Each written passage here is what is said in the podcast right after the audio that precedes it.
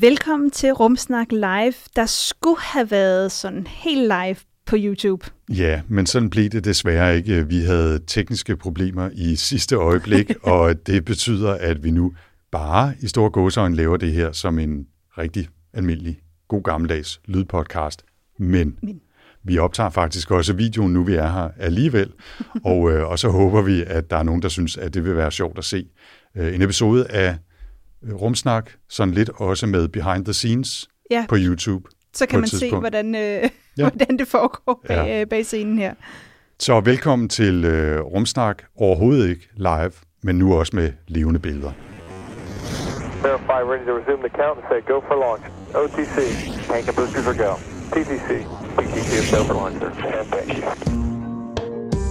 Velkommen til Rumsnak, en podcast om rumnationen Danmark og de danske rumaktiviteter inden for både forskning og forretning. Mit navn er Tina Ibsen. Jeg hedder Anders Høgh Nissen. Spænd selen og start nedtællingen. Vi er klar til affyring. 2, 1, 0 and lift off. All right, uh, lift off and the clock is started. Velkommen til Rumsnak. I dag der tager vi pulsen på Rum Danmark år 2022. Ja, og vores øh, lille krog er, at det i dag er præcis 65 år siden, at den sovjetiske rumsonde Sputnik 1 blev sendt i kredsløb om jorden, og det skal vi da fejre med en øh, podcast-episode, der ser på Danmark som rumnation i 2022, det giver jo masser af god mening, fordi det er netop det, det skal handle om, overhovedet ikke i virkeligheden satellitter fra Sovjetunionen. Nej, overhovedet ikke. Øh, vi har ægte levende gæster i studiet. De skal hjælpe os med både at kigge lidt frem og tilbage i tiden, og simpelthen kigge på, jamen, hvordan ser det egentlig ud med, med Danmark, altså rumdanmark her i, øh, i 2022. Det bliver et pakket program, så vi springer altså nyheden over den her gang, Anders, men øh, vi må selvfølgelig samle det vigtigste op i den næste episode af Rumsnak. Ja, yeah. Og jeg synes bare, vi skal se at komme i gang. Jeg hedder Anders Høgh Nissen. Og jeg hedder Tina Ibsen. Velkommen til. 3, 2, 1, 0, and lift Men som sagt, i dag, den 4. oktober 2022, hvor vi optager, der er det 65 år siden, at vi mennesker første gang sendte en satellit i kredsløb om jorden, og det er selvfølgelig Sputnik 1, der blev sendt op i 1957. Den kredsede om jorden i en elliptisk bane, hvor den tætteste afstand til jorden var 215 km, og den største afstand var 939 km. Sputnik sendte altså til, øh, signaler tilbage i tre uger, før batteriet løb tør for strøm. Men den fortsatte faktisk sit kredsløb indtil den 4. januar 1958, øh, fordi der er jo ikke noget, øh, den, den, den store vindmodstand derude, så den fortsatte jo bare, mm. indtil at den så faldt gennem jordens atmosfære og brændte op den 4. januar 1958. På det tidspunkt havde Sputnik altså foretaget 1440 kredsløb om jorden. Det var alligevel noget. Ja. Selvom man så allerede i årtierne inden havde eksperimenteret med flyvemaskiner og raketvåben, så var Sputnik jo på mange måder startskud til den ægte rumalder, som vi jo stadigvæk lever i. Og der begyndte faktisk rimelig hurtigt at være gang i den butik, må man sige. For allerede i 1962, kun fem år efter Sputnik, der var Danmark med i en raketopsendelse fra den nordnorske affyringsbase på Andøya. og der undersøgte man, hvordan atmosfæren bliver påvirket af stråling fra rummet, et arbejde, som på mange måder jo faktisk fortsætter i dag, blandt andet med ASIM-missionen, der kigger på de opadgående lyn, som man kalder for sprites. Ja, ned på jordoverfladen blev Danmark i 1960'erne medlem af ESO, det europæiske sydobservatorium. Og det førte altså til, at vi i slutningen af 1970'erne kunne åbne det første danske teleskop, øh, La Silla-observatoriet i Chile.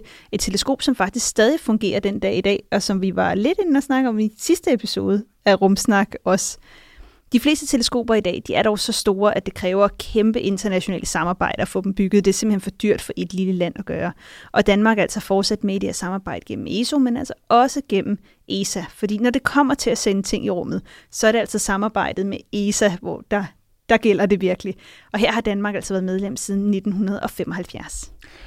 Og endelig så fik vi i 2016 vores første rumlov og rumstrategi, der blev opdateret sidste år. Samtidig med, at rumloven og strategien udkom, så etablerede man også rumkontoret i Uddannelses- og Forskningsministeriet. Det var herfra, det danske, eller det er herfra, at det danske medlemskab af ESA, den europæiske rumfartsorganisation, varetages selvom vi har et rumkontor, så er der nogen, der føler, at det faktisk ikke er nok. Der er flere aktører inden for rumfartsbranchen, som ønsker sig et egentlig rumagentur i mm. Danmark, som de for eksempel har de andre europæiske lande, blandt andet Sverige og Norge. Men det er der altså ikke nogen regeringer indtil nu i Danmark, der har haft lyst til. Det er jo ikke til at vide, hvad der sker de kommende Det er en politisk sag, der ikke er taget op endnu. uger, er lige præcis. Men udover jubilæet for Sputnik 1, så øh, er det faktisk også lige nu øh, World Space Week. Øhm, og det er jo sådan en græsrodsprojekt, hvor at, øh, man rundt omkring på kloden har alle mulige forskellige aktiviteter om, om rummet.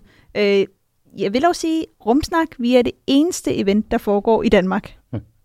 ikke desto mindre, så bruger vi altså Space Week og Sputnik som en dobbelt anledning til at gøre status for, for Rum Danmark 2022. Mm. Og det er der jo en, en grund til, at vi vælger at gøre med de her tre fokusfelter, forskning, teknologi og øh, forretning, fordi det er jo det, som Rumsnak kigger på, mm. øh, når vi ser på øh, den danske rumbranche. Ikke? Altså øh, de her tre felter, som tilsammen udgør den danske rumbranche. Ja, det var jo noget af det, vi talte om, da vi oprindeligt ville starte Rumsnak, og sige, vi ville godt tage den her, det her brede perspektiv på Rum Danmark, øh, og hvad det er, vi egentlig kan fra dansk side af. Præcis. Så vi har øh, altså delt vores uofficielle status for Rum Danmark 2022 i den her episode af Rumsnak op i tre dele med tre gæster til at fortælle om henholdsvis videnskaben, teknologien og den benhårde business i rumnationen Danmark. Ja, de tre gæster her i dag, det er Hans Kelsen, der er professor på Aarhus Universitet, Henning Skriver, der er direktør på DTU Space, og så Richard B. Larsen fra Dansk Industri. Vi taler først med de tre hver for sig, og så tager vi til sidst en fælles panelsamtale med dem alle tre.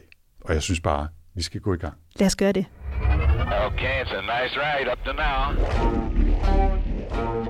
Nå, men som vi har nævnt, så skal vi altså kigge på de her tre øh, områder, og vi lægger ud med at gøre en slags status for Danmark som rumforskningsnation. Ja, og her det er jo faktisk min vej ind i rumverdenen, fordi inden for rumforskning har vi jo sådan noget som sorte huller, eksoplaneter, stjerner, galakser og meget mere.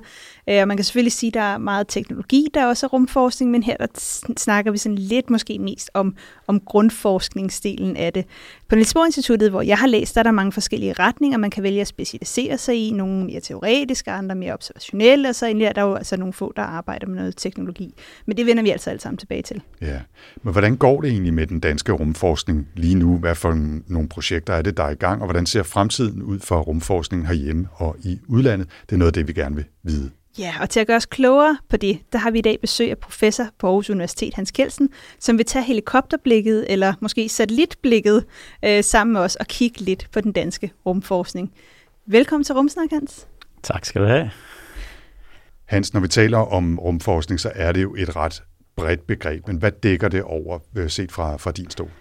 Altså, øh, forskning øh, er jo generelt at vi, vi prøver at tilegne os ny viden om, om, om det ukendte.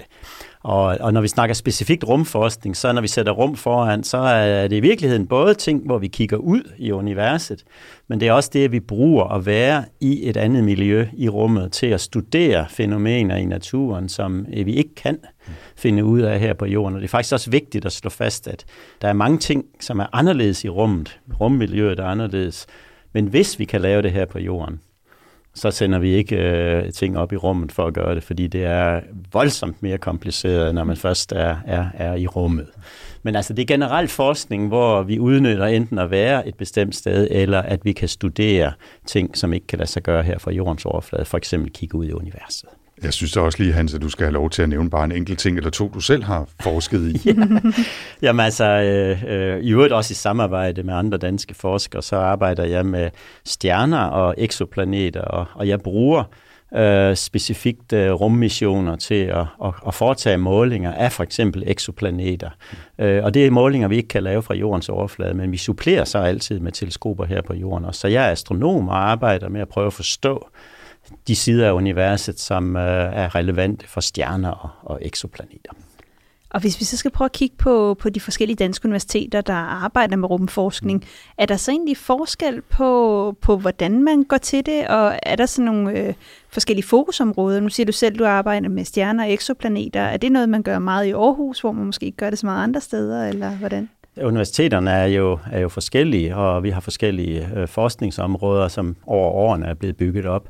Men generelt øh, samarbejder vi mellem universiteterne, og derfor er der også forskningsområder, vi, vi laver på flere forskellige universiteter. Og, øh, og der er også universiteter, der har mere fokus på at, at hjælpe teknologisk, udvikle instrumenter, der kan bruges, andre udnytter data.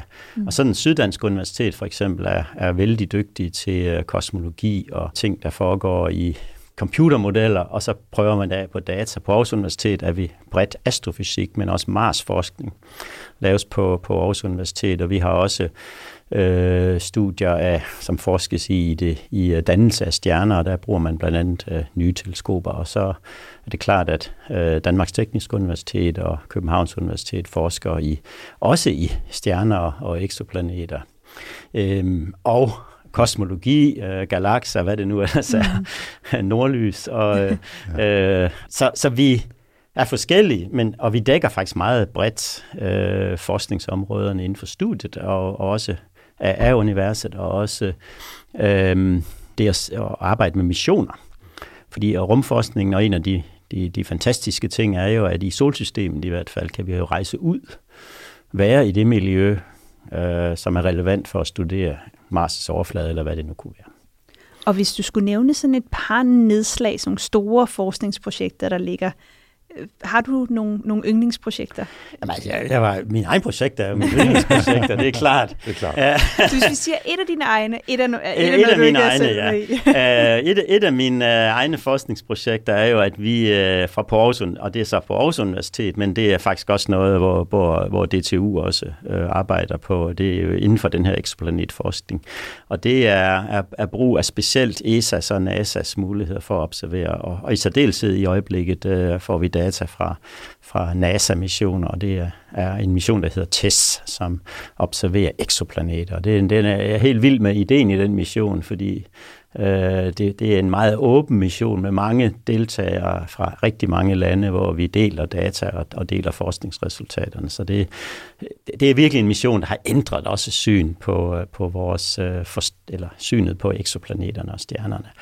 Og så... Øh, Ja, så ved jeg ikke, hvad jeg skal tage af den anden mission. Det kunne være den brug af observatorier, vi selvfølgelig har. Altså, det er jo klart, at, at som lille nation har vi jo muligheder for at samarbejde med andre, men James Webb Space Telescope er selvfølgelig en helt fantastisk mulighed. Tak, Hans. Uh, og det bliver virkelig...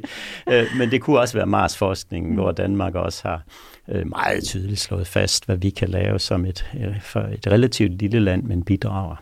Ja, det kunne jeg godt lige tænke mig at, at slå ned på, Hans, fordi vi er jo ikke et kæmpestort land, øh, hverken økonomisk, geografisk eller befolkningsmæssigt, men der er jo alligevel foregået også historisk en masse rumforskning i Danmark, og vi behøver ikke engang gå tilbage til Sali Tycho Brahe for, for at nævne gode eksempler. Ja. Vi har været involveret i en masse projekter, har bidraget med masser af forskning og også teknologi, som vi vender tilbage til om lidt.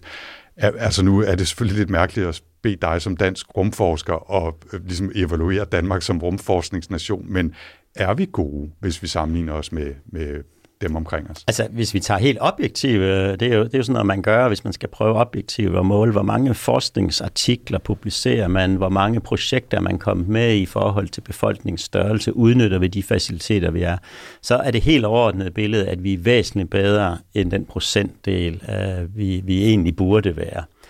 Og, og det er nok også et resultat af, at når man er lille, så kan man øh, fokusere øh, tingene. Så vi har små, uafhængige forskningsmiljøer i forhold til, vi synes, at nogle af dem er store, men hvis vi sammenligner med mange forskningsinstitutioner i, i, i udlandet, både i Europa og USA og, og, og også ude i verden, så, så, vi, så har vi ingen, ingen, altså, ingen forskningsmiljøer er så store som nogle af dem.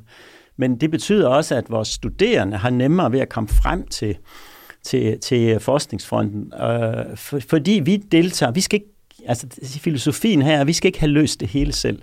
Vi bidrager med der, hvor vi er specialister øh, i tingene, eller har en interesse eller en mulighed for også at udnytte de, de øh, faciliteter, vi i øvrigt ellers har. Og det tror jeg er hemmeligheden i, at vi, vi faktisk er gode, øh, og at vi, øh, vi øh, publicerer øh, på det her, det her niveau. Altså hvis man bare tager min egen forskergruppe øh, på, i astrofysik på Aarhus Universitet, vi er seks forskere, fastansatte forskere, i visse tyske eller, eller Paris, øh, der, der er de 20 gange så mange de laver ikke 20 gange så meget.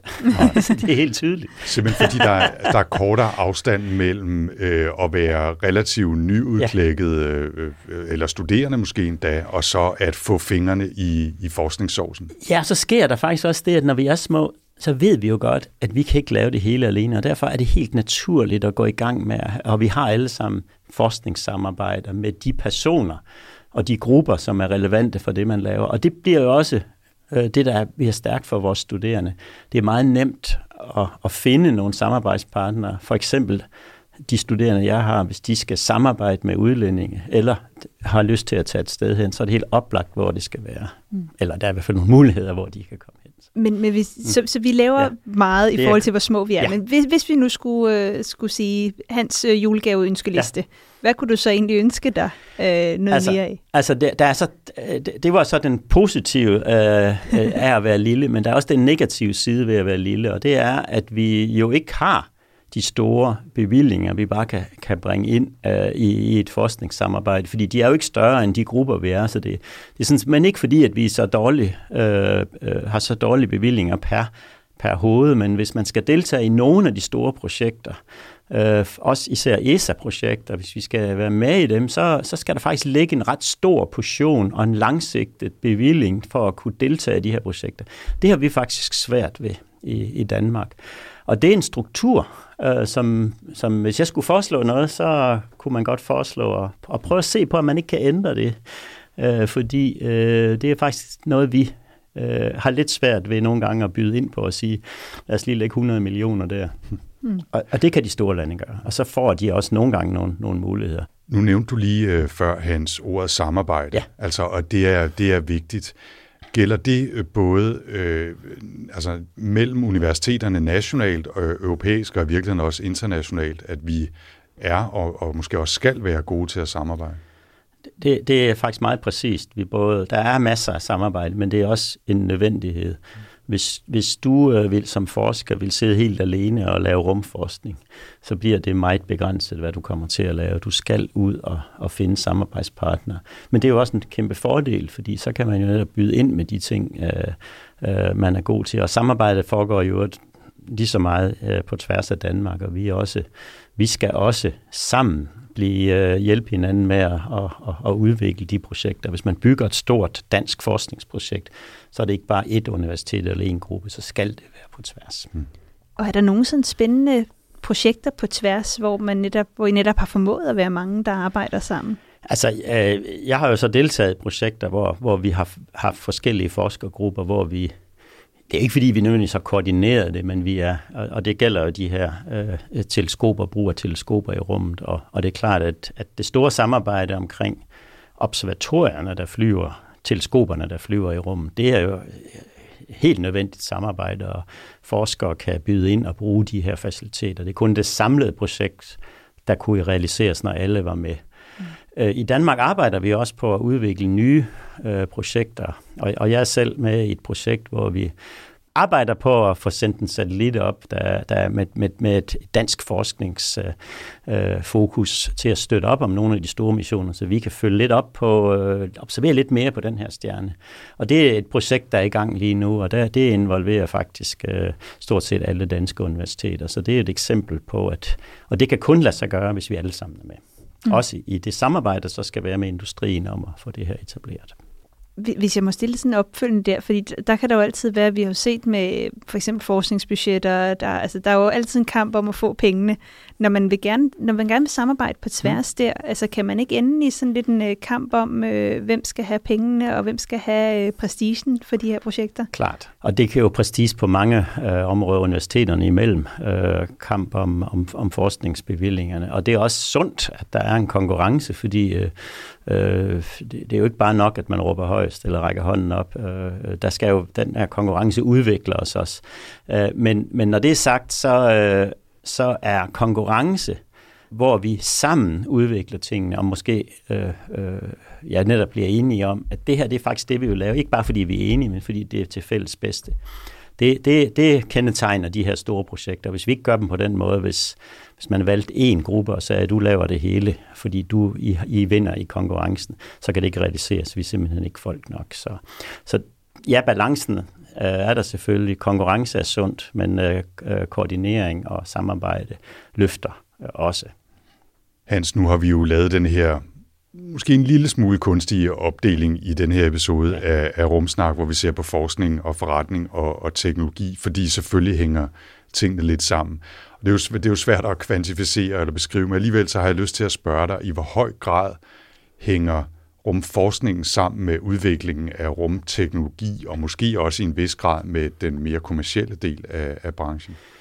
Ja, altså der er jo masser af rumforskning, som, øh, som, som, som også handler om at udvikle forskningsteknikker, til, til, som, som ikke bare er grundforskningsfokus, men øh, for eksempel handler om grøn omstilling eller brug af rumdata, øh, hvor teknikkerne udvikler sig, har et, måske ikke forskeren selv, der tænker over det, men som har et spin-off, som er vældig vigtigt. Øh, og, og i Danmark er det faktisk også sådan, at rumindustri, teknologiudvikling i, øh, på universiteterne og forskningen, øh, vi, vi, vi, vi passer sammen. Altså, så, så nogle af de her missioner kan kun lykkes, fordi vi har dansk industri, til at hjælpe os, eller teknologi på universiteterne til at udvikle apparaturet. Så, så igen, når vi er små, så, øh, så passer det her faktisk også sammen. Hvis jeg vil, hvis jeg vil bygge noget på Aarhus Universitet, et, et nyt stykke apparatur, så skal jeg ikke helt i bunden og, og, og finde på det fra starten af, for det har vi slet ikke laboratorier og udstyr til. Så ringer jeg til en eller anden virksomhed, eller øh, når jeg har mødt dem, eller til et andet universitet. I har da de her faciliteter. Og så er det, det kan lade sig gøre, og, og vi får en, en head start, fordi vi faktisk snakker sammen og, og, og har et ønske om at samarbejde. Og lad det være en, øh, en fin overgang til den næste øh, gæst her i studiet, øh, Hans Kelsen, professor fra Aarhus Universitet, og i øvrigt også, skulle vi måske hilse at sige, leder af Aarhus øh, Space Center, ja. som er et projekt sådan på vej. Ja, kan vi det godt er etableret, det? og, ja. og vi, øh, vi, vi udvikler det. En udviklingsfase. Præcis. Tusind tak, fordi du kom. Selv tak. Ja, Hans, du vender tilbage til vores panelsnak til sidst i den her udsendelse, så... Øh, på gensyn. Ja, på gensyn. 5, 4, 3, 2, 1, 0, and lift off. Men ingen rumforskning, uden at rumteknologien er på plads. Fra mit yndlingsteleskop James Webb til måske de lidt mere tørre emner som rumlim, og ja, jeg har faktisk siddet til en 45 minutters øh, talk om netop rumlim, så kommer teknologi, jo, som vi bruger i rumforskning, altså i mange forskellige afskygninger. Jeg bliver simpelthen lige nødt til at sige til jer derude, at øh, Tina har brokket sig mange gange over, at hun har skulle sidde i en 45 minutters øh, forelæsning om rumlim. Ja, og jeg, det... jeg er ked af at sige, det var faktisk på DTU. Nå, vi har, øh, vi har jo jævnligt øh, gæster med i studiet, eller ude at besøge folk i Danmark, som er med til at bygge diverse dimser eller lave software, som skal bruges i rumfart. Men hvordan står det egentlig til i Danmark, når det kommer til rumteknologi? Kan vi være med blandt de bedste, og hvordan ser fremtiden ud for rumteknologien, både herhjemme og i udlandet? Der er mange, som arbejder med rumteknologi i Danmark, og et af de steder, hvor der er stor fokus på det, er netop DTU Space, som er en del af Danmarks Tekniske Universitet. Og til at gøre os lidt klogere på, hvad der sker inden for rumteknologien i Danmark, der får vi nu besøg af Henning Skriver, der er direktør på DTU Space. Velkommen til dig, Henning. Tak for det. Når vi taler om øh, rumteknologi, så antyder vi jo lidt, at det er et stort spektrum. Øh, så jeg kunne egentlig godt tænke mig at spørge, hvad, hvad du forstår ved rumteknologi.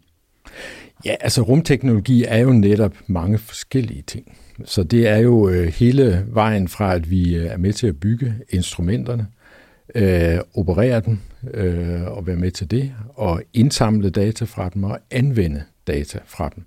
Øh, og så bruge data til at få nye idéer til, til nye missioner. Så, så jeg opfatter sådan set rumteknologi som stort set hele cirklen øh, af, af forskellige dele, og, og alle de her dele er rigtig vigtige. Og det er jo også, det er en af de ting, vi kan se, det er, at det er også rigtig vigtigt at være med i hele kæden. Fordi hvis man kun er med i, i en del af kæden, så, så, er man ikke så, så kan man ikke være så langt fremme, som andre kan være. Fordi det, at man har kendskab til instrumenterne, når man skal anvende data fra dem, det gør faktisk en stor forskel. Så det er en af de ting, vi fokuserer meget på, det er, at vi kan være med i, i, i, i, i, i en stor del af kæden i mange af de projekter, vi er med i. Jeg synes også, at du skal have lov til, Henning, at, at komme med et par konkrete eksempler på, på rumteknologi, som, øh, som I laver på DTU Space, som du måske er særlig stolt af, eller I ja, kan altså, være særlig man stolt af. Man kan sige, at inden for, for de, det senere godt et år, der har vi jo i hvert fald øh, to helt spektakulære ting. Øh, sidste år var vi med i, i Mars roveren Perseverance, hvor vi havde, hvor, hvor vi havde leveret et kamera, til det instrument, der faktisk skal være med til at finde ud af, om der har været liv tidligere på Mars. Og det er vi jo ret stolte af, at, øh, at NASA har bedt os om at være med på den mission. Og, øh, og jeg tror, vi alle sammen husker, hvordan vi alle sammen sad og, og kiggede på, hvad der skete øh, den dag, hvor, hvor den landede deroppe på Mars.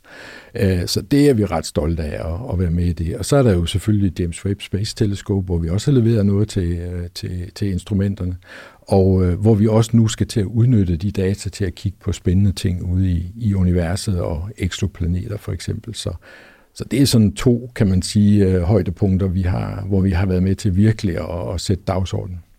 Og hvis vi så skal tage det sådan en større perspektiv og kigge på, jamen hvem andre i Danmark ud over jer arbejder så med rumteknologi? Mm. Jo, men det er klart, vi er, vi er absolut den største forskning- og undervisningsinstitution eller afdeling som på universiteterne, som, men der er jo også på de andre universiteter, er der jo også virkelig meget gang i det inden for, for rumteknologi og anvendelsen af, af data og information for rummet. Så det er på universiteterne, men så er der jo også virksomheder. Vi har rigtig mange fine virksomheder, som arbejder inden for det her felt. Og øh, endelig er det jo også myndighederne, som helt klart at få øjnene op for, at øh, man kan bruge satellitdata til at overvåge forskellige ting på jorden. Og måske en ting, som vi ikke tænker så meget over, det er jo vores øh, satellitnavigationssystemer er jo noget, som vi alle sammen bruger hver dag. Øh, hvis vi ikke havde de, øh, så, så havde vi svært ved at finde rundt i dag. Ikke? Der er ingen, der kan læse et kort mere, stort set. øh, men det er jo også noget, som øh, bliver anvendt øh, selvfølgelig af myndigheder, men også af private og så videre. Ikke? Så, så der er der er rigtig meget anvendelse og brug af, af rumteknologi på mange områder.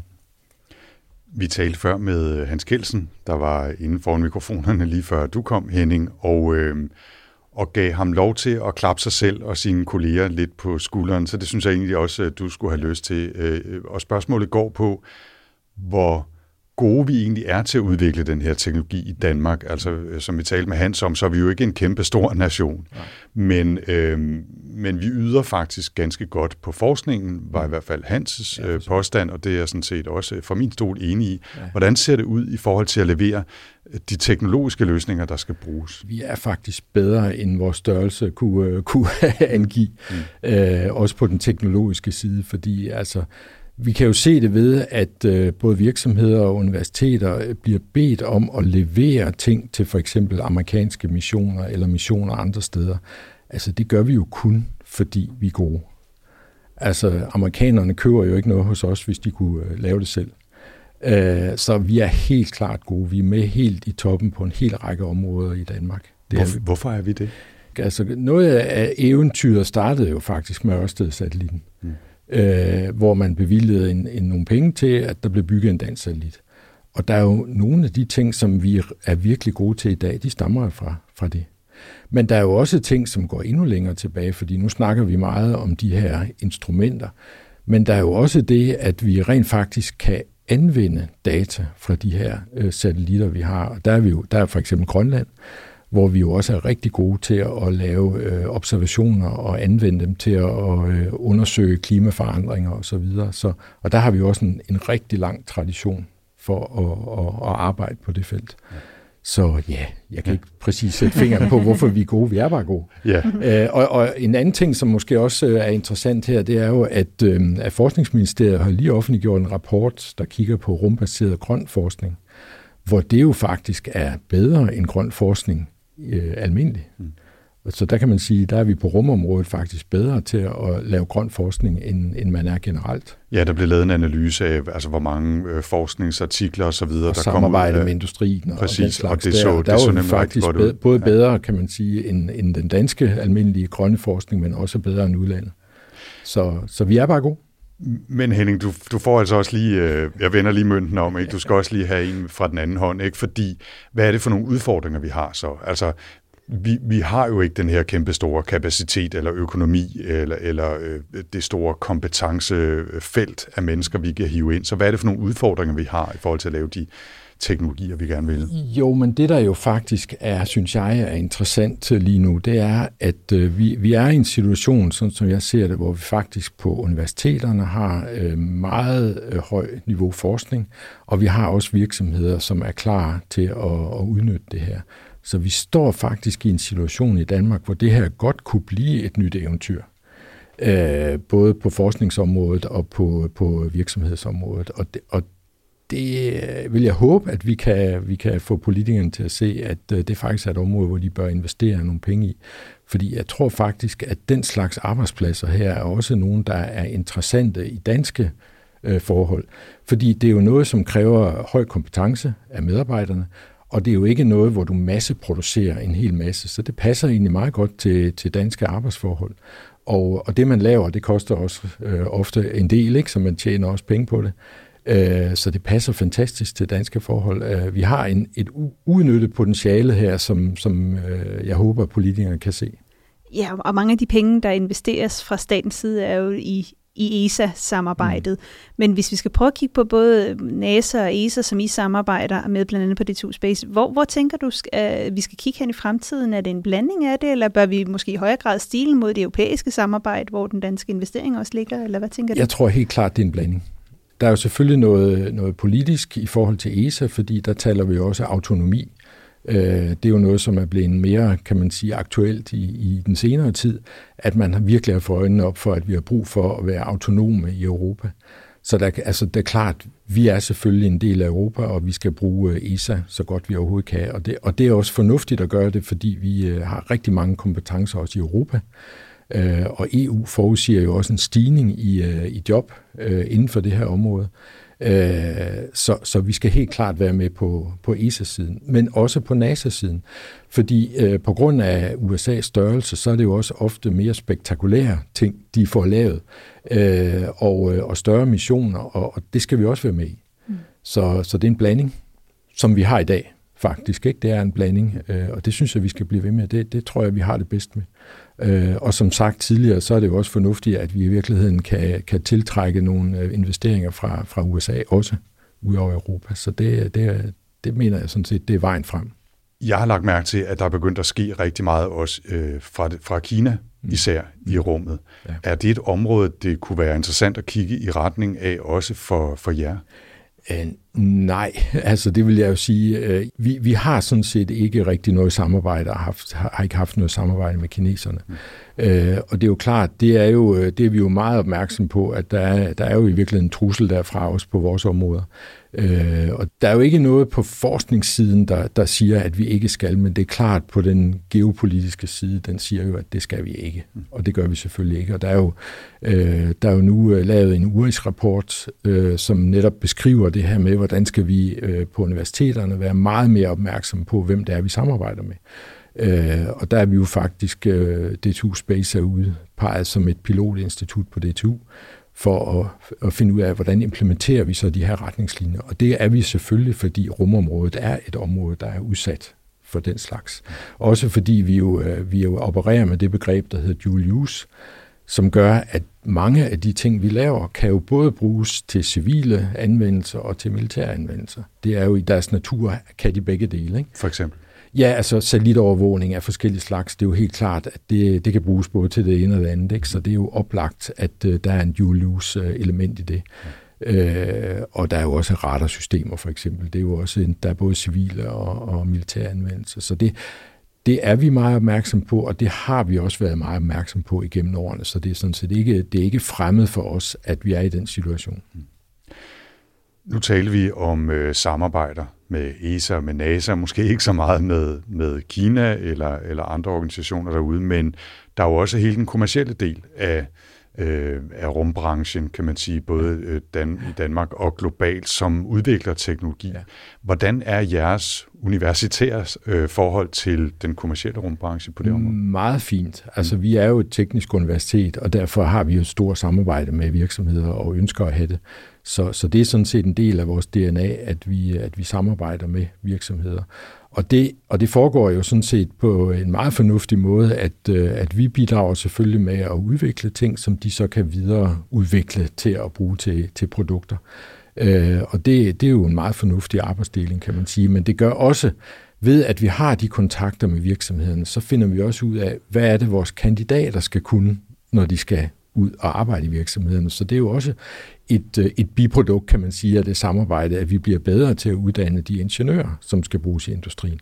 Så det er sådan set en win-win-situation. Ja. Der er jo andre områder, hvor man oplever måske især inden for øh, softwareudvikling, kunstig intelligens osv., at de store virksomheder man plukker, øh, nogen vil sige flået øh, væk alle de dygtige folk ja. fra universiteterne ja. for at få dem ud i private virksomheder. Ja.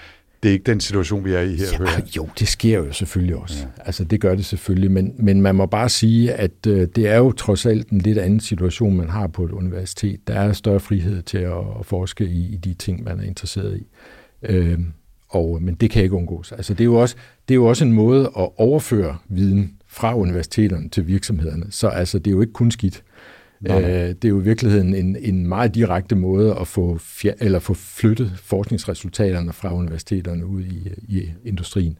Bare ikke sådan, de tager alle med. så vi skal have nogen tilbage. Ikke? Præcis. Ja. Jeg tænker også generelt, altså, at der vil nok være en tendens til, at man laver, øh, hvad kan man sige, øh, mere komplicerede ting tidlig i en udviklingsfase på universiteterne, og når det så er blevet noget, som man i højere grad kan overtage og bygge øh, mm. øh, mange kopier af, eller, ja. eller sælge videre, så er det noget, der ryger ud og bliver en del af en, en kommersiel Og det er jo branche. også, altså for eksempel er det jo noget, vi gør meget ud af at få lavet øh, studenterprojekter sammen med virksomheder, sådan at de studerende også får en indblik i, hvad er det egentlig, der rører sig derude, så de også bliver bedre til at målrette deres studier, og vi bliver bedre til at uddanne de studerende. Jeg tænker her, Henning, øh, det var en meget god øh, overgang til vores tredje gæst, der nemlig kommer fra industrien. Så øh, tusind tak for nu. Du kommer tilbage i vores ja. øh, panelsamtale til sidst yes. i episoden her. Godt. Okay, it's a nice ride up to now. I lang tid var rumfart noget, som blev brugt til forskning, og noget, som store nationale rumfartsorganisationer havde eneret på. Men sådan er det ikke mere. Nej, i dag der ser vi i stigende grad private virksomheder beskæftige sig med rummet, og det er blevet et hurtigt, for ikke at sige hastigt, voksende marked. Ja, til sidste rumkonference her i Danmark var der meget snak om, at rummet er den næste sådan Silicon Valley, eller i hvert fald rumområdet er. Altså et område, hvor, øh, hvor man ligesom de store tech-virksomheder i den næste 10 bliver mulighed for at tjene rigtig, rigtig mange penge. Og flere fra europæisk side har bedt lovgiverne i diverse lande om at have større fokus på rummet, så vi ikke i Europa misser muligheden inden for rumfart, ligesom nogen i hvert fald mener, vi har gjort inden for andre rumområder, som for eksempel tech. Ja, det er øh, med den udvikling også blevet både billigere og nemmere at sende ting ud i rummet, og at bruge data fra rummet til at lave diverse produkter hernede til brug og gavn øh, på jorden. Så rumindustrien vokser i de her år, men er Danmark overhovedet med, og benytter vi os af de muligheder, der findes inden for den voksne rumbranche. Til at gøre os lidt klogere på det, så skal vi nu, sidst men absolut ikke mindst, møde chefkonsulent Richard B. Larsen fra Dansk Industri, hvor han blandt andet har fokus på rumbranchen og rumforskning. Velkommen til dig, Richard. Jo, tak fordi jeg må være med. Du er meget velkommen. Du arbejder med forskningspolitik i DI, og herunder især, hvordan danske virksomheder også kan få noget ud af øh, ESA-midlerne, som ja. Øh, er, er vigtige penge her. Men før vi kommer ned til, til økonomien, altså kan du komme med nogle eksempler på danske rumvirksomheder og deres produkter? Jo, altså du, vi har jo ikke hundredvis, for at sige det mildt, af danske rumvirksomheder. Men, men vi har nogle ret spændende virksomheder, som udvikler sig godt, vil jeg sige. Det er bestemt mit indtryk. Og man kan ikke undgå at starte med Therma. De laver også ting og sager til forsvaret, men de er faktisk dem, der har de fleste aktiviteter inden for rumområdet. Mm. Therma er en virksomhed, som laver sådan noget meget avanceret teknologi, elektronik og styresystemer og strømforsyninger til mange har hørt om den, mm. der skulle lande op på en komet. Rosetta. Ja, mm. skulle starte igen efter 10 år i absolut dybfrost der. Mm. Og det, er jo, det var Therma, der har været med i det. Det er også dem, der har været bygget det meget berømte instrument ASIM, som jo har været på forsiden af Nature, Science og jeg ved ikke hvad. Den har de bygget sammen med DTU og fået det til at virke. Så dem kan man ikke lade være med at nævne først på grund af omsætningen. Men der er også en række andre. Therma bygger jo ikke det hele selv. Jeg skal lige sige, at der er en underleverandør kæde af virksomheder. For nu at sætte det lidt på spidsen, så ved jeg, at de har brugt Østbornholms Kutterservice til, til at lave noget rustfri stålkomponenter, de skulle bruge. Og det var der så nogen hos dem, der vidste, at de kunne lave på Bornholms Kutterservice. Ja. Og det er bare et eksempel på det. De bruger for eksempel også en anden virksomhed, der hedder Flux, som ligger over ved Asnes, altså på den vestlige del af, nordvestlige del af, af Sjælland. Jeg tror ikke, I kan finde ret mange satellitter op i rummet, hvor, hvor Fluxstore ikke har leveret de elektromagnetiske komponenter til dem. Og det er jo det med, altså, at de er blevet certificeret til det. De mestrer det der til, det yderste. Det så også... pointen er, undskyld jeg afbryder, Rikard, pointen er her, at, at udover de virksomheder, vi måske kender og tænker på som rumfartsvirksomheder, ja. så er der også en, jeg ved ikke, om man kan kalde det en underskov, men ja. i hvert fald dog en, en flok af underleverandører, som ja. leverer stål og ja. komponenter.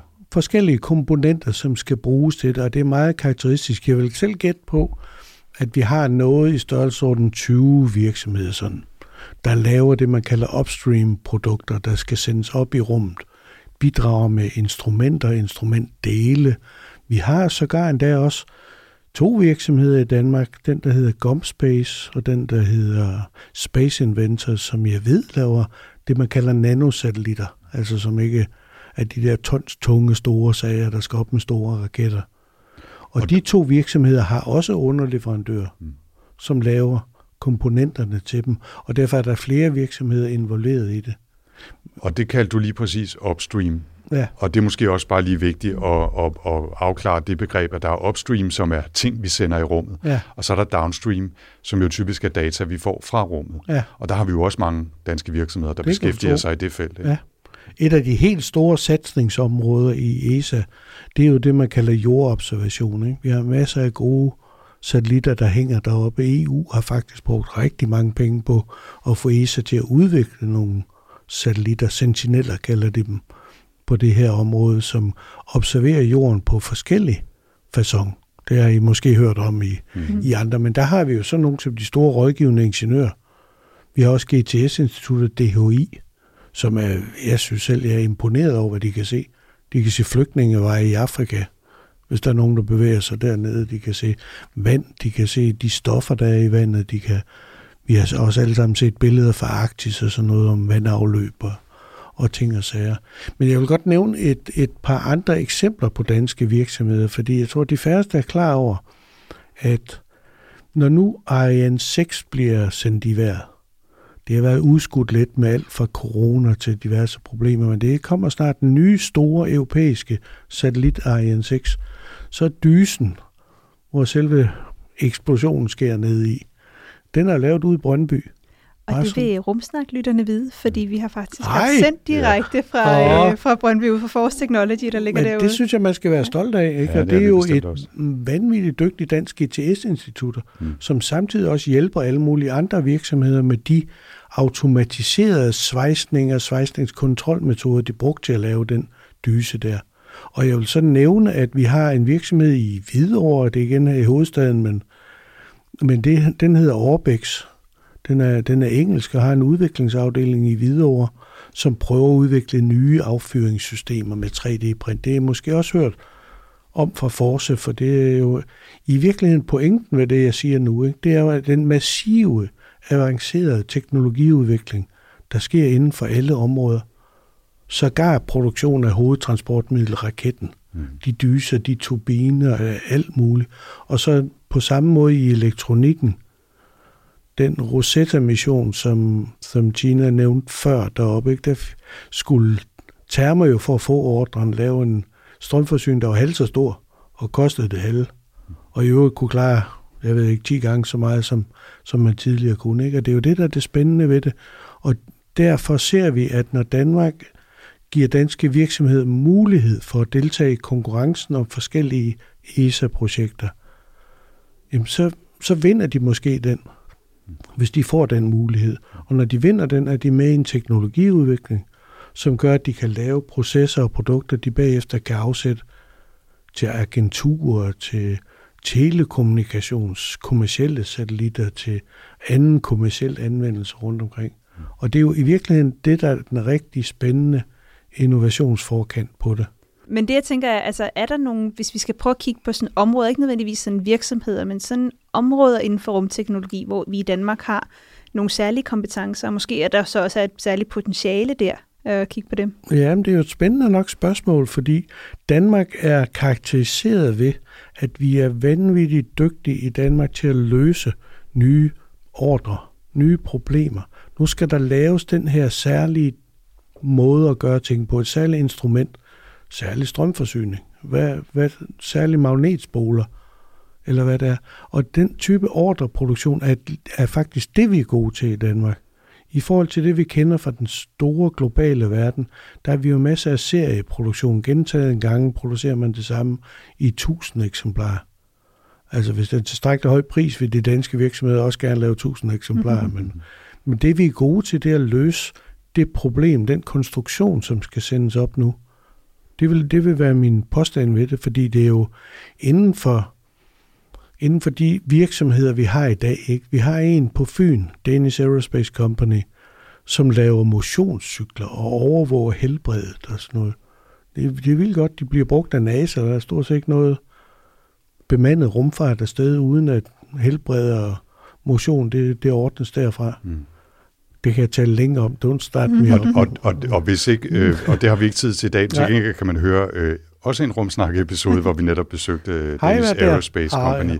Og, og pointen ja. her er jo også, de laver ikke tusind af de der cykler. Hej. De laver meget få i ja. virkeligheden. Ikke nogen, nogen til test, altså nogen, der skal sendes ja. op, og de øh, kører i rigtig lang tid. Ja. Og det var det, der skulle være min ja. spidskompetence. Det er netop det der med, at vi er gode til at indgå i de teams, der skal løse ja. det, det er den ene eller den anden opgave. Ja. Vi bliver også nødt til, uh, Rikard, at snakke lidt om det, der måske ikke kører helt så godt, som, som nogen i hvert fald kunne ønske. Øhm, jeg kiggede lidt tilbage i historien, og øh, tilbage i 17, et års tid efter den første danske øh, rumlov og rumstrategi kom, der blev der udsendt en pressemeddelelse fra Forskningsministeriet om, at, at det gik rigtig godt, og, og de danske rumvirksomheder skabte vækst og arbejdspladser osv. Og, og dengang sagde de, ja, det er måske meget fint, øh, mente de i, i dansk industri, men det kunne gå endnu bedre, fordi vi ikke satte nok. Har vi så i de forgangne fem års tid satset nok? Nej, det har vi da ikke, men vi har i virkeligheden lavet et spring op i 2007-8 stykker var det. Der havde man sådan en stor globaliseringsaftale i Danmark, og der hævede vi rumbudgettet. Mm. Og så er det faktisk været en sovepude siden. Uanset at vi kan se hele verden, hvad vej vi kigger, at der sættes mere og mere på ruminfrastruktur, rumteknologi, ruminstrumenter. Og det er jo så ikke muligt, det er ikke muligt for os at komme med i den hastighed, de andre lande er. Og for at sætte det på spidsen, så vil jeg minde om, at Danmarks samlede bidrag til den europæiske rumorganisation, den er kun det halve af det, man ser i Norge, Sverige og Tyskland. Ja, vi giver cirka 250 millioner. Ja. Og, og det svarer til 0,8 øh, procent, eller 0,7 procent, tror jeg faktisk, det er af budgettet her i 2022, ja. ESA's uh, ja. samlede uh, budget. Og det er ikke vokset. Og vi havde, har vist ovenikøbet mulighed for teknisk set at give mere som frivillige bidrag, hvis vi havde lyst. Det har vi i hvert fald. Og det, og det altså, gør vi ikke. Cirka det halve af det er det, man kalder frivillig. Mm. Og det er det, man så på et menukort fra ESA hver tredje år krydser af fra den side. Hvad vil vi gerne lægge penge i fra den side? Og der har vi kun det halve af det, du nævner, som vi lægger ned i det. Men hvad, hvad er det, vi vil få ud af at give ESA flere penge? Fordi hvis man nu stod helt udefra og ikke vidste noget om det, så kunne man tænke, det lyder umiddelbart som en dårlig forretning at give nogle andre mennesker en masse penge. Hvad vil vi få ud af? Hvad får vi ud af, og hvad vil vi få mere ud af? Ja, vi vil få det ud af det, at det så er muligt for danske virksomheder at komme til at deltage i udviklingen af de nye satellitter og instrumenter og det hele den infrastruktur, der skal sendes op. Det kan jo også være noget i forhold til at løse de opgaver, vi har i Arktis og andre steder. Det kan være jordobservation, der kan bruges til miljø, klimaforskning i det hele taget. Det kan være, ja, nu har vi så udforskning af rummet. Vi har jo også fra den side mange, der er interesseret i de, den store, succesfulde forskning, der sker på det område. Men sådan set fra industriens side vil vi jo gerne være med i den teknologiudvikling, som de andre landes virksomheder er med i, eller være med i det i samme omfang som dem. Og selv Norge giver jo langt mere end os, og har Kongsberg, og vi, vi har da brug for at være med. Ja. Rikard, det, nu, nu tager jeg måske lige en, en, en sidespring her, men noget af det, jeg tænker, det er, altså dansk industri, I har jo mange forskellige interesser. Altså, hvor ligger rumfartsbranchen i forhold til sådan en dansk industri i det hele taget? Er det, er det noget, der har fokus? Er det noget, hvor I kan se, der er en vækst? Og hvad er det måske, rumfartsindustrien kan, som andre industrier måske ikke kan? Jo, det, jeg vil sige, det er vores højteknologivirksomheder. Vi, vi har mange virksomheder, det er du ret i. Øh, det er for eksempel endnu ikke fødevarebranchen, der er interesseret i det. Men tag mig om ikke de der mange historier om, at NASA og ESA, de har jo fokus på, hvordan skal vi bære sig med at sende mennesker afsted til Mars og det bliver som bekendt en meget lang rejse, det har I sikkert også mm-hmm. snakket om. Ikke? Der har vi for eksempel en virksomhed, der hedder Aquaporin i Danmark, som er med, og de renser så sved og tis til noget god genanvendeligt drikkevand. Det er helt cirkulært. Men hvad er det med fødevarene? Hvor mange madpakker skal du have med til halvandet års rumrejse for at komme til Mars? Det er, det er alligevel nogle... Der skal smøres nogle der skal smøres noget til. ja. Og derfor skal der jo også lave cirkulær fødevareforsynings, proteinproduktion, gæringssystemer, fermenteringssystemer og hvad der, hvad der skal til i det. det. Det er min opfattelse. Det er ikke den danske fødevareindustris opfattelse endnu, men vi ved bare, at de er meget, meget dygtige på fødevareingredienser og beherskelse af fødevare, så det kunne meget vel også være dem, der sammen med universitetsforskerne på de her områder, kunne begive sig ind på det her område. Men som det er i dag og frem til nu, der er det meget sådan, jeg vil sige, vores, vores produktionsvirksomheder. Lige om lidt, så skal vi have besøg tilbage i studiet af Hans Kelsen og Henning Skriver til en fælles samtale her, hvor vi kommer dybere ned i, i spørgsmålet om midler, og hvor mange penge man giver ud, og hvor mange man får tilbage, og hvad vi kunne få ud af det osv. Men jeg kunne godt lige tænke mig at afrunde med dig her, ja. Øh, Richard, med et spørgsmål, som i virkeligheden løfter blikket en lille smule. Øhm, fordi som vi, vi nævnte tidligere, så ser vi jo en kæmpe privatisering af, af, af meget af aktiviteten i rumfarten i udlandet med private raketter, ting som SpaceX og jo også Starlink og alt muligt andet. Ikke? Hvordan tror du, det kommer til at påvirke os her i Danmark? Er det en mulighed, eller er det måske en trussel, fordi der lige pludselig er masser af konkurrenter i udlandet med fokus på det her? Hvordan ser du den udvikling? Ja, jeg synes egentlig, konkurrence er sundt og godt, og vi vil jo også levere. Det er ikke bare en plathed. Altså, det, vi vil jo også kunne levere til, til private aktører. Det har vi jo for eksempel inden for telekommunikation, hvor der er et ret stort marked. Øh, nu er de ikke private, men hele den der metrologi, branche meteorologi, der, der har vi jo en kæmpe stor operatør, også EU Medsat og, og andre i det, og der er jo også masser af forretningsmuligheder for at være med ind i det. Jeg vil dog bare alligevel øh, videregive det indtryk, at når man udvikler nye satellitter til det ene eller andet formål, så er det normalt ESA, der, er, der finder løsningerne. Der er de et kompetencecenter, som er anerkendt. Så vidt jeg kan se det, både i forskningsverdenen og i industriens verden, de, de er dygtige til det. I USA vil jeg ikke gøre mig så meget klog på det på samme måde, men jeg mener nu heller ikke, at Elon Musk bare gør det med sin egen lommepenge selvom han har mange af dem. altså det er jo virkelig også NASA-kontrakter, der har drevet mig af den aktivitet og deres ønsker om at få en privat operatør. Det er fint nok. Men dem, der betaler udviklingen af de nye ting, Boeing er også privat, den nye Artemis-raket, er jo sådan set også udviklet for, for agenturets penge. Så, så på den måde bliver det ikke så adskilt. Det tror det er det, jeg vil sige. Der jeg, jeg vil ikke være bange for det. Det mener jeg heller ikke, jeg har hørt for nogle af de virksomheder, der er aktive. Mange af dem har jo, har jo også kunder i USA, både den ene og den anden art. SpaceX vil jeg dog nævne er lidt speciel, derved at de vil lave alting selv. De bruger ikke underleverandør. Rikard B. Larsen fra øh, Dansk Industri, tusind tak, fordi du kom og var med os, og du bliver faktisk bare siddende, fordi nu inviterer vi nemlig tilbage i studiet øh, Hans Kelsen og Henning Skriver fra henholdsvis øh, Aarhus Universitet og DTU til en fælles panelsamtale efter denne lille skiller. 3, 2, 1, 0, and liftoff. Og velkommen tilbage til alle tre. Øh, nu har vi jo talt om forskning, teknologi, forretning. Nu tænker vi at prøve at samle det hele i sådan en snak om, jamen, hvordan står det egentlig til i Rum Danmark her i år 2022. Så til at starte med, øh, alle tre, sådan noget rumforskning kommer jo ikke gratis.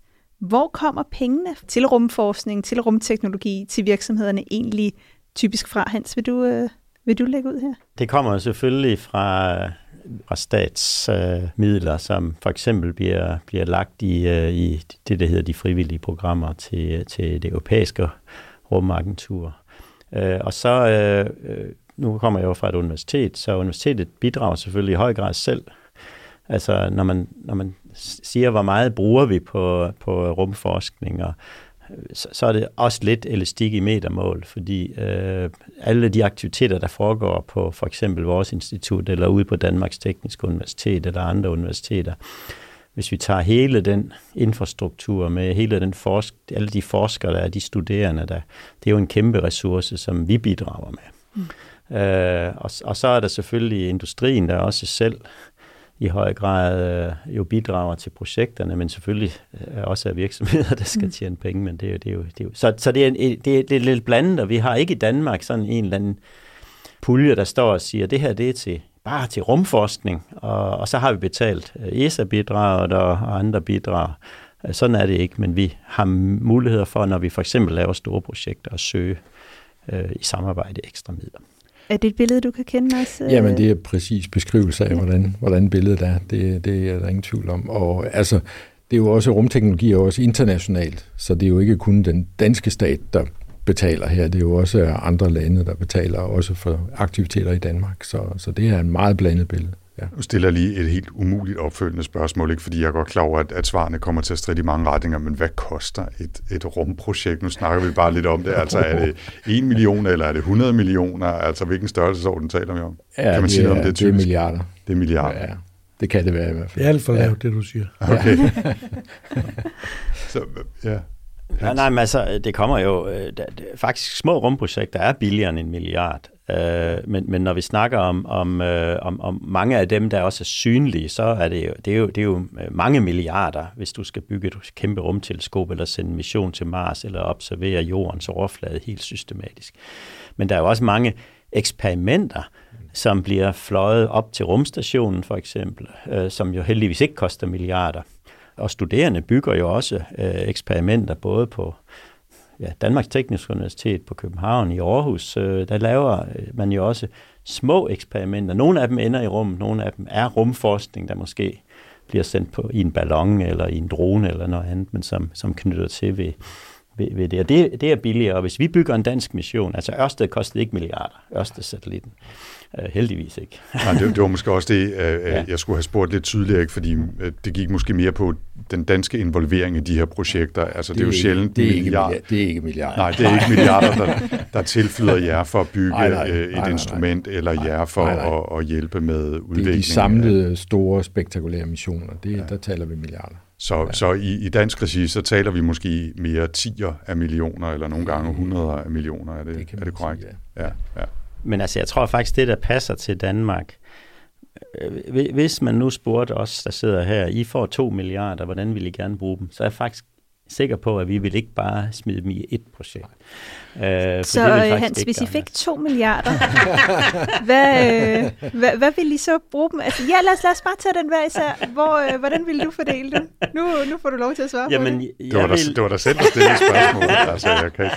Ja jeg, jeg, jeg tror, det kunne være godt at lave et flagskibsprojekt for os alle sammen, for, for måske en tredjedel øh, af dem, og så, og så sikre, at det her ikke bare øh, var et projekt, hvor lad os nu sige, at vi sendte en mission til Mars for at tage noget, der ikke selv nødvendigvis lige vil forske i, så, så vil alle de projekter rundt omkring, som kunne hive teknologi ind og så videre, så jeg vil, jeg vil sørge for at bruge de penge sådan at det ikke bare var det hele lige blev bygget på det, men at der var studerende projekter, der hang sammen med, at industrien blev dybt involveret i, hvor er det hen, vi, skal, vi kan få noget spin-off fremadrettet. Så jeg tror, det var sådan, jeg ville bruge det, og det er et diplomatisk svar selvfølgelig, men jeg tror også, det er, det er den rigtige måde for et land som Danmark at sikre.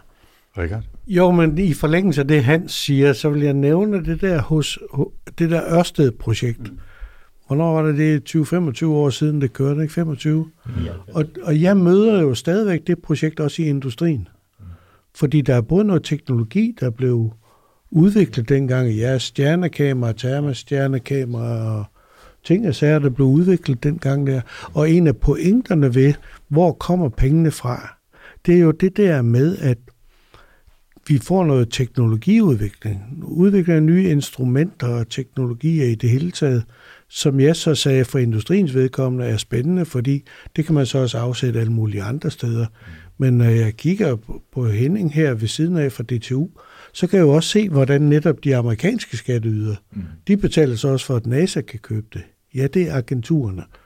Og der kommer pengemaskinen jo til at købe rundt igen i den internationale handel, der er med det. Og det gælder jo meget også med, at vi har fælles interesser, synes jeg, mm. mellem forskning og universitetsverden i at udvikle de her ting. Vi kan godt en gang imellem komme op og slås om, at den ene og den anden laver det samme instrument, både det er ren forskning, og vi siger, at det kan vi gøre kommercielt og sådan noget. Ja, det, men, men, det, men den i kamp må I prioritering, tage øh, øh, bagefter, ikke? jo, jo, men i prioriteringen ja. af de forskellige projekter har vi jo faktisk vist i forskellige gange, mm. at vi var enige i, hvad burde vi anbefale til ministeriet om, hvordan man skulle prioritere sine midler.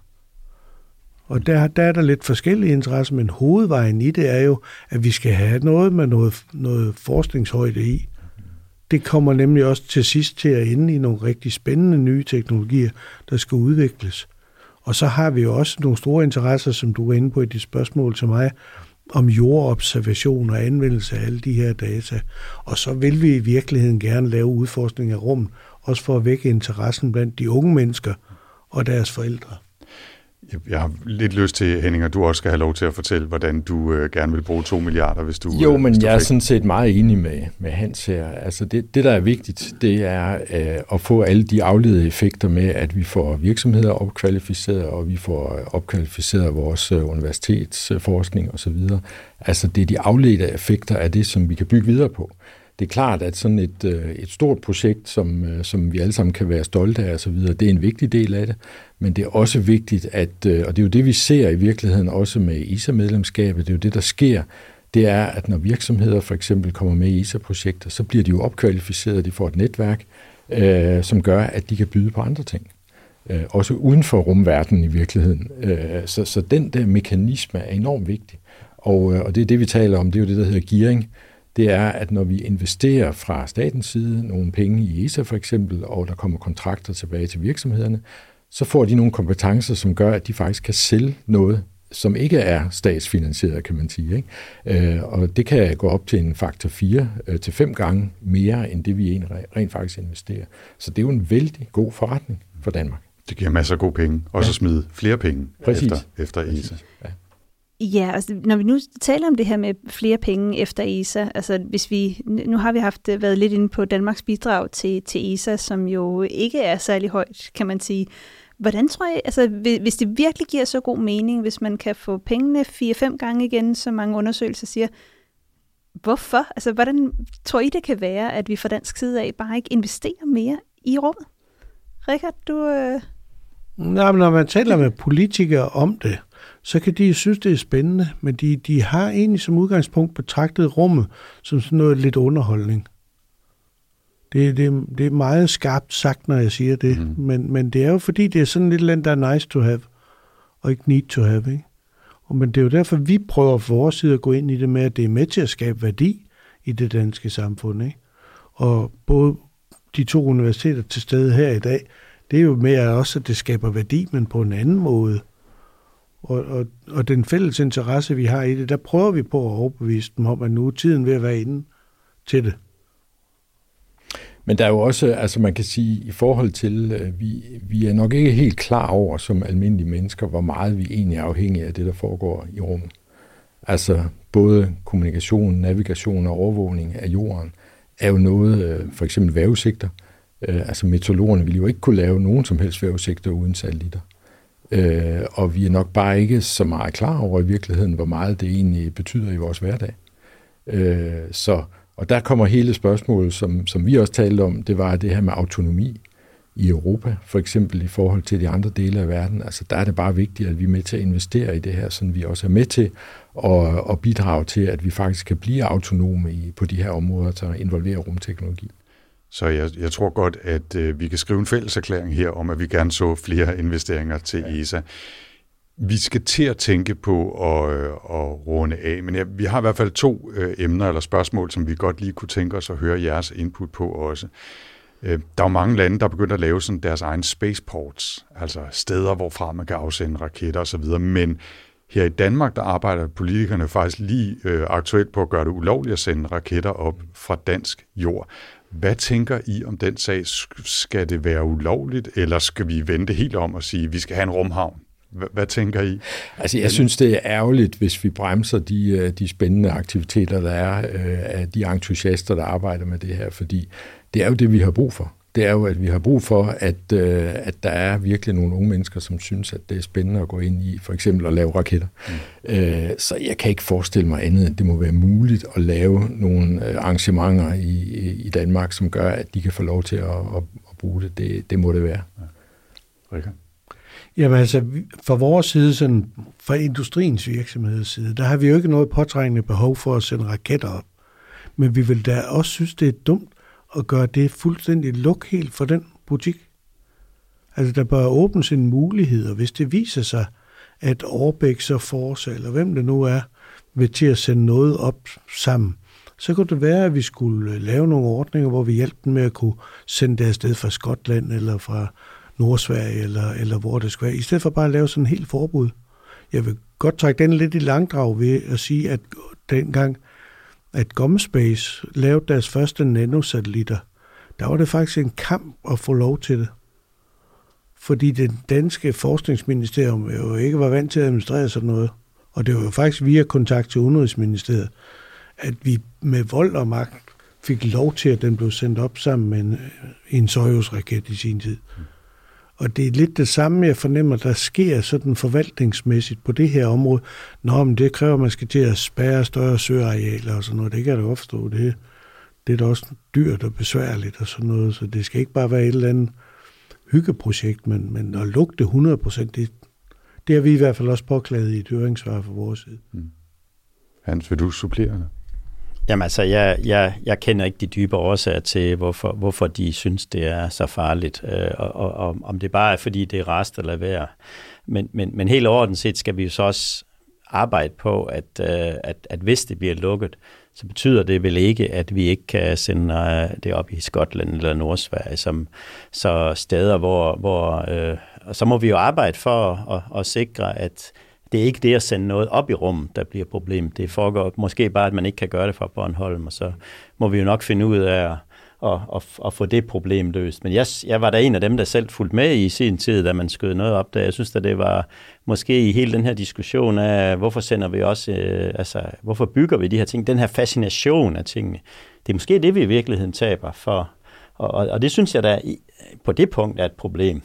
Øh, fordi også i, i relation til det spørgsmål før om, hvorfor får vi ikke flere penge, jamen vi skal jo begejstre, og måske nogle gange har vi også været for, for succesrige. Vi har siddet her og fortalt, at vi kan en hel masse for ingen penge. Hvorfor skal de så give os nogle flere, ikke også? Mm. Altså, øh, men det er den der begejstring, der i virkeligheden jo, jo, jo viser, det er ikke sådan en dum cost-benefit-analyse, det tror jeg, at de hører tit for alt muligt, det kan betale sig. Men, men vi skal vise, hvor, hvor spændende er det her, og vi kan få vi kan få en masse med til at få noget ny uddannelse og nogle nye idéer, som samfundet selvfølgelig har glæde af. Så, så det er det, jeg håber, at vi ikke slår ihjel, ved at vi ikke må skyde op deroppe. Så kunne vi måske få, få faktisk sat i gang i noget i Sverige. Ja, og så sådan lige for at runde af her nu.